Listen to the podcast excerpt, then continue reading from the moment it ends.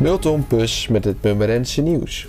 Het fietspad aan de Purmersteenweg, nabij het gemeentehuis, wordt vanaf vandaag onderworpen aan werkzaamheden.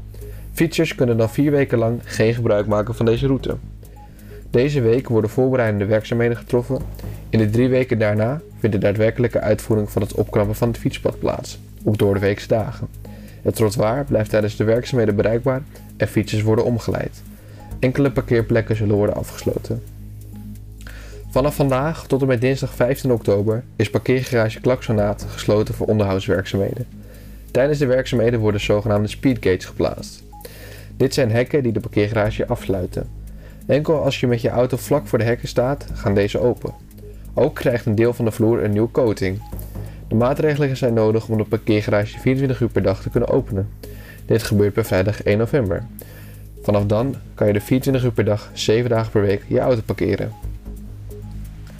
Er wordt dit jaar geen winterspermanent georganiseerd op de Koemarkt. Volgens de organisatie is het niet mogelijk om dit tijdig rond te kunnen krijgen.